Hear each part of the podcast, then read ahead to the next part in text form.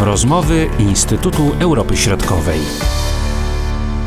Witamy naszych słuchaczy w rozmowach Instytutu Europy Środkowej. Marcin Superczyński i Damian Szacawa. Witam cię serdecznie. Dzień dobry, cześć Marcin. Dawno cię nie widziałem i nie słyszałem, ale to z tego powodu, że badałeś bezpośrednio sytuację w północnej części Europy.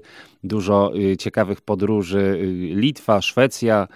E, o wnioskach pewnie będziemy mówić, podejrzewam, że także w najbliższych minutach naszej e, rozmowy, bo zaglądamy do Helsinek, zaglądamy do Finlandii, na granicę fińsko-rosyjską, bo tam bardzo dużo się dzieje w ciągu ostatnich tygodni.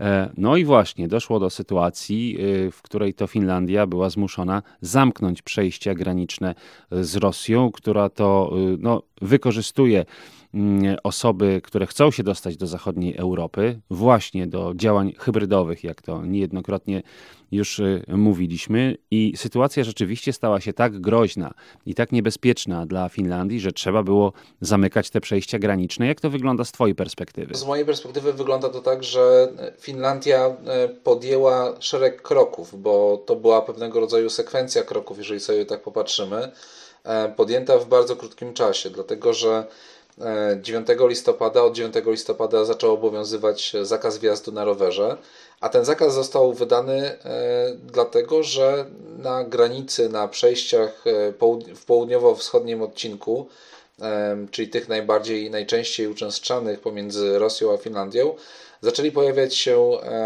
migranci, zaczęły pojawiać się osoby, które nie miały kompletu dokumentów, czyli zaobserwowano pewnego rodzaju zmianę mm, postępowania przez e, rosyjską Straż Graniczną, która przypuszczała te osoby, co wcześniej nie miało miejsca. Tak? Pomimo tego, że Finlandia od, e, od maja ubiegłego roku zaczęła starać się o członkostwo w NATO, pomimo tego, że od kwietnia jest pełnoprawnym członkiem NATO, i pomimo tego, że już kilka razy nawet my w naszych, w naszych spotkaniach mówiliśmy, że można się spodziewać, że Rosja zareaguje no właśnie w taki, w taki sposób, że będzie próbowała robić tego rodzaju złośliwości, bo to raczej w takich w tego rodzaju kategoriach trzeba byłoby to rozpatrywać, e, patrząc tak naprawdę na skalę bo mówimy, e, w tym momencie listopad się zakończył, no i na całym wschodnim odcinku złożono e, ponad 900 takich wniosków o ochronę międzynarodową, o azyl, e, nie mając do tego kompletu dokumentów. Tak więc w tym momencie te osoby, te wnioski są rozpatrywane przez Fiński Urząd Migracyjny. Będziemy czekać prawdopodobnie e, kilka dobrych, kilkanaście tygodni na to, aż one zostaną zostaną rozpatrzone. No ale wracając do tego, jak to się stało, no to właśnie 9 listopada zakaz y, ten dotyczy przekraczania na rowerze. 16 listopada to jest decyzja e, o tym, żeby od 18 listopada zamknąć cztery przejścia na południowo-wschodnim odcinku. To wchodzi w życie 18 listopada i ma obowiązywać do 18 lutego.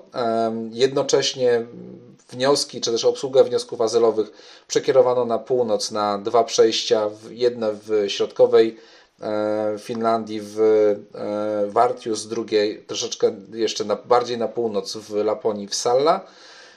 E, to, nie, to spowodowało jedynie to, że te osoby z tych południowo-wschodnich odcinków granicy zostały przetransportowane na północ, bo mówimy w tym przypadku już o wysokości Archangielska.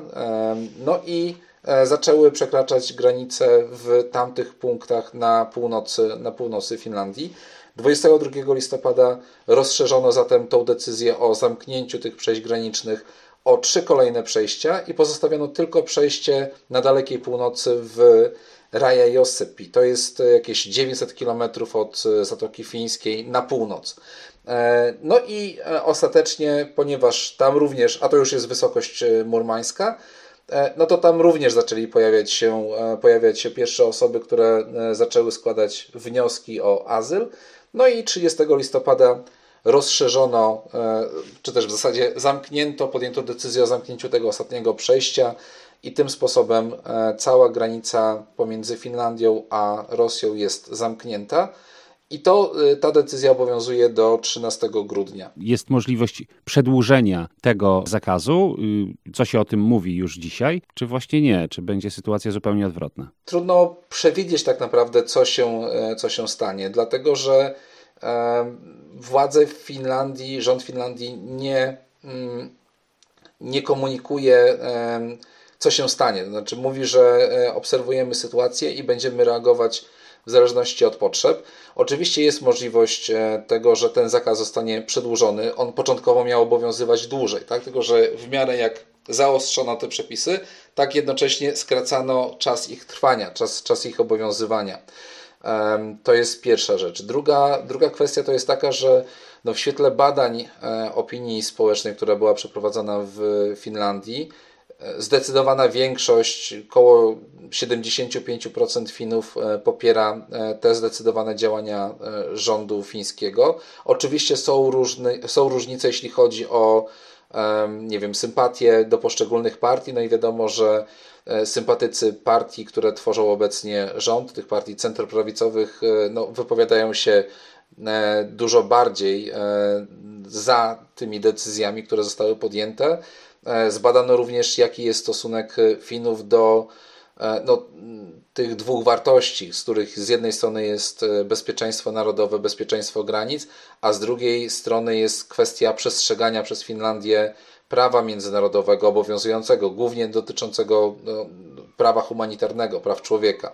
No i e, też są ciekawe, ciekawe wnioski, no bo też mniej więcej 3 czwarte e, powiedziała, że w sytuacji e, zagrożenia, no to e, rząd może tymczasowo, e, nie chcę powiedzieć zawiesić, ale może tymczasowo zwiększyć nacisk na zapewnienie bezpieczeństwa koszt, kosztem przestrzegania e, prawa międzynarodowego, czy też przestrzegania tych zobowiązań, e, do których Finlandia jest e, zobowiązana, chociażby z tytułu obecności w Unii Europejskiej. A co wiemy o próbach nielegalnych, nielegalnego przekraczania granicy? Czy tutaj jakby zwiększyła się ta liczba, czy, czy niekoniecznie? Jak to wygląda? Z mojego punktu widzenia, no to jeżeli ktoś przekracza, podejmuje próbę przekroczenia granicy, nie mając do tego kompletu dokumentów i robi to w, na, na terenie przejścia granicznego, to mimo wszystko jest to e, w jakiś sposób no coś, część jakiegoś nielegalnego przekraczania granicy. Natomiast e, jeśli chodzi o e, przekraczanie granicy, zielonej granicy, tak, czyli poza tymi punktami wyznaczonymi, czyli po, poza przejściami granicznymi, no to gdzieś pod koniec, w połowie listopada mniej więcej pojawiły się pierwsze informacje, że złapano dwie osoby i później nie było więcej doniesień na ten temat. Znaczy, to nie jest też tak, że ta granica to jest, e, jest taka łatwa do przekroczenia, e, dlatego że mówimy o potężnym obszarze. 1340 km to jest długość granicy. W większości ona przebiega przez e, lasy, tereny bardzo słabo zaludnione, lasy, jeziora, rzeki. No i, e, no i, no i, i w zasadzie panujące warunki klimatyczne, e, plus do tego obecna pora roku, no nie sprzyjają, e, że tak powiem, tego rodzaju wycieczkom, dlatego że no do dalekiej północy mamy temperatury sięgające do minus 20, Pewnie w późniejszym okresie, tak jak to było do tej pory, to one będą spadały do minus 30 stopni. E, opady śniegu. E, dzień trwa niecałe 3 godziny. Tak? No w tym momencie, nawet gdy przejście na dalekiej północy w Rajajossepi było czynne, no to ono było czynne przez 4 godziny od 10 do 14. Dlaczego Rosja, jak to y, postrzegasz, zdecydowała się właśnie teraz na mm, takie działania? Czym to jest spowodowane? Przede wszystkim tym, że Finlandia e, stała się e, pełnoprawnym członkiem e, NATO, czy może w grę wchodzi w pewnym sensie odwrócenie mm, europejskiej uwagi, zachodnioeuropejskiej uwagi i tutaj tych społeczności mieszkających w północnej części Europy od y, wojny, która toczy się na Ukrainie? Wydaje się, że no taką najprostszą przyczyną to jest powiązanie tego, e, tego procesu z tym przewrotem kopernikańskim, który się dokonał w polityce bezpieczeństwa Finlandii, czyli akcesją do NATO. Przy czym, tak jak wspominałem wcześniej, e, większość ekspertów e, Finów spodziewała się, że tego rodzaju zagrożenie może nastąpić Z tego powodu no, w ubiegłym roku podjęli decyzję o tym, że będą budować przynajmniej na niektórych odcinkach swojej granicy, tej długiej granicy, bariery, fizyczne bariery, tak? fizyczny system barier, który będzie odgradzał Finlandię od Rosji. To, że stało się to akurat teraz, e, no, po części wynika, przynajmniej tak, w, tak, tak, to, tak to jest w świetle opinii prezydenta Sauli Niinisto, ale też również rządu, że jest to pochodna wynegocjowania, czy też zakończenia pod koniec e, października negocjacji e, na temat współpracy obronnej, porozumienia o współpracy obronnej ze Stanami Zjednoczonymi. E, to jest, e, to jest porozumienie, które będzie pewny, w pewien sposób definiowało na przykład przyjazd wojsk e, amerykańskich. To nie jest najprawdopodobniej, ponieważ jeszcze treść tego porozumienia nie jest znana. Tam nie ma mowy o tym, że Amerykanie będą budowali stałe bazy w Finlandii, ale kwestie na przykład lokalizacji baz, czy też poligonów, na których żołnierze amerykańscy będą mogli ćwiczyć z żołnierzami fińskimi i wykorzystywać chociażby ich doświadczenia w prowadzeniu działań, czy to na dalekiej północy, bo y, to jest, to, to jest domena e, armii fińskiej. E, zresztą niedawno mieliśmy kolejną rocznicę wojny zimowej i, i być może to, to też e, takie wspomnienia z, z tego okresu, ale również kwestie na przykład obrony wybrzeża, które, wybrzeża którego, którym, na, na którym jest dużo wysp, dużo, dużo półwyspów, półwyspów, czyli współdziałanie na przykład armii lądowej z, z marynarką. No i ostatnia rzecz, która jest gdzieś tak w tle, tego rodzaju operacji, którą e, przeprowadza Rosja, no bo to też trzeba powiedzieć, że fińskie media wykonały prowokację, no i tutaj okazało się, że za, e, że, że bardzo dużą pomoc w przekraczaniu e, czy też zbliżaniu się do przejść granicznych przez tych migrantów odegrały rosyjskie służby, plus oczywiście grupy zorganizowanej przestępczości, no to, no to w tle takich tego rodzaju wydarzeń pojawia się pewnego rodzaju, e, ja bym powiedział, niewiedza e, Rosji co do społeczeństwa Finlandii, dlatego że też rozmawialiśmy kilka razy na temat tego, jak szybkim procesem była akcesja Finlandii do NATO. E, I to zaskoczyło no nie tylko osoby w, w, w, NATO czy też w Finlandii, ale zaskoczyło również Rosjan, którzy nie byli na to przygotowani. I e, pomimo tego, że traktowali Finlandię jako państwo, które będzie mniej lub bardziej sprzyjało państwom NATO w razie ewentualnego konfliktu, no to jednak nie prowadzili takich działań rozpoznawczych co do, e, co do możliwości wpływania na społeczeństwo w Finlandii. E, Rosjanie doskonale wiedzą, w jaki sposób mogą wpływać na to, co dzieje się w Polsce, co dzieje się w państwach bałtyckich, w jaki sposób mogą grać i wywoływać podziały.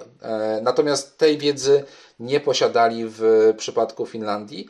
E, dlatego, no, moim zdaniem, to był też jeden z celów tej, tej operacji, czyli zobaczenie, w jaki sposób społeczeństwo fińskie zareaguje na tę sytuację, czyli na, na ten wzrost presji na, na granicę.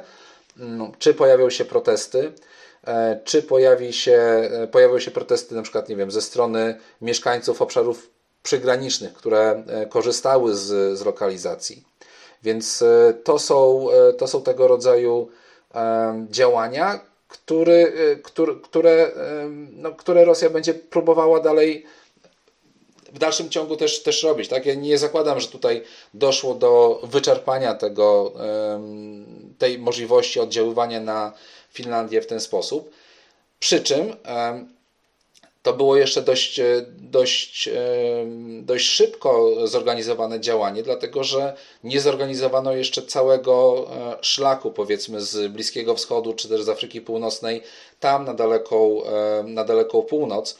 Więc to oznacza, że próbowano wypychać tych migrantów, którzy w Rosji już byli od dłuższego czasu. A co z sytuacją na granicy norwesko-rosyjskiej i estońsko-rosyjskiej? Mamy na razie do czynienia ze stabilną sytuacją. Oba państwa są w ścisłym kontakcie z Finlandią, czy też ze Strażą Graniczną i z rządem Finlandii, Oba państwa zapowiedziały, że jeśli na ich przejściach granicznych, Norwegia ma jedno przejście na dalekiej północy z, z Rosją, to które jest znane chociażby, nie wiem, być może z tej góry rowerów, która się pojawiła tam na przełomie 2015 i 2016 roku, no to będą e, podążały śladem e, Finlandii, czyli będą zamykały, zamykały granice. No w przypadku Estonii to najbardziej znana ta granica to jest e, pomiędzy Narwą a Iwangorodem tam na, na, na moście.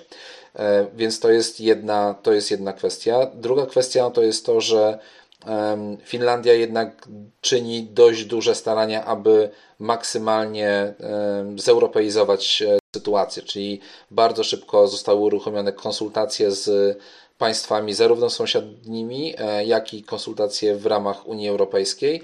To jest również to, że e, Finowie no, obserwują to, co się działo no, chociażby na pograniczu Polski i państw bałtyckich. To jest generalnie e, ta sama sytuacja, tylko że rozgrywa się kolejny, kolejny, kolejny mm, epizody tego dramatu, tym bardziej powiedzmy, tym, tym razem bardziej na północ, tak, w bardziej niesprzyjających warunkach.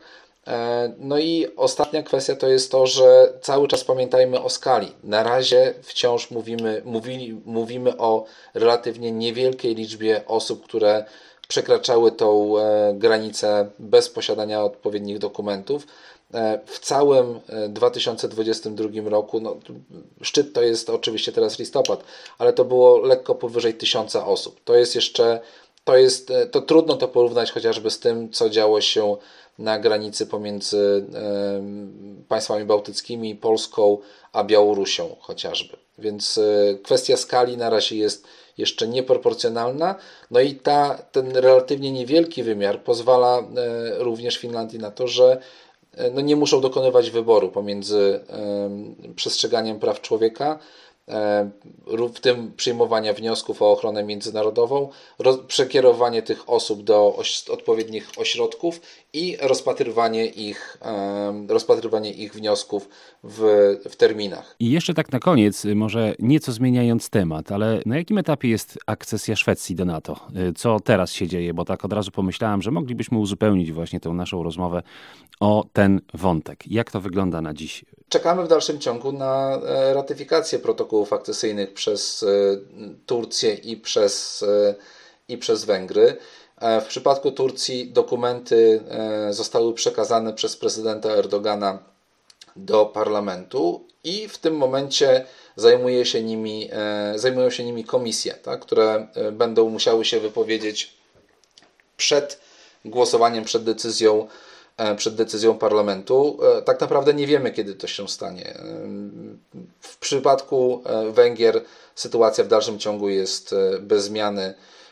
Czekamy tak naprawdę na to, aż decyzję podejmą, podejmie którekolwiek z tych państw, no bo to wtedy będzie też oznaczało znacznie, znacznie większą presję międzynarodową na to ostatnie państwo. Tak? To nikt nie chce być tym ostatnim Mieliśmy ten przypadek w, e, w odniesieniu, na początku tego roku w odniesieniu do Finlandii. E, w tym momencie trwa to e, dużo dłużej. Również ze względu na to, co dzieje się w samej Szwecji, co jest też poniekąd inspirowane działaniami Rosji. Mówię tutaj, wcześniej rozmawialiśmy kilkakrotnie na temat palenia Koranu. E, no, w ostatnim czasie no, to takim dość głośną wypowiedzią były wypowiedzi Jimmy'ego Okesona, lidera szwedzkich demokratów, który, który w jednym z wywiadów powiedział, że być może należy rozważyć e, palenie meczetów albo no nie, na pewno nie pozwalać na budowę kolejnych meczetów. To jest oczywiście coś, co e, no nie wpływa pozytywnie na zwiększenie szans akcesji Szwecji do NATO w takim szybkim, szybkim terminie, w szybkim tempie. E, no, dzisiaj pojawiły się informacje dotyczące e, zaangażowania Rosji w różnego rodzaju działania prowokacyjne, które miały miejsce, czy też które mogły mieć miejsce, tak zwana operacja anty-Erdogan, która polegała na tym, że należy zachęcać do tego, żeby, nie wiem, pojawiały się e, graffiti, jak najwięcej graffiti w miejscach publicznych, które byłyby wymierzone w islam albo w e, właśnie prezydenta Erdogana, że należy nagłaśniać tego rodzaju protesty w mediach społecznościowych, więc tego rodzaju operacje są, e, czy też miały być podejmowane inspirowane z, e, przez Rosję. Dziękuję zatem za ten komentarz i serdecznie pozdrawiam. Damian Szacawa. Dziękuję również. Były to rozmowy Instytutu Europy Środkowej.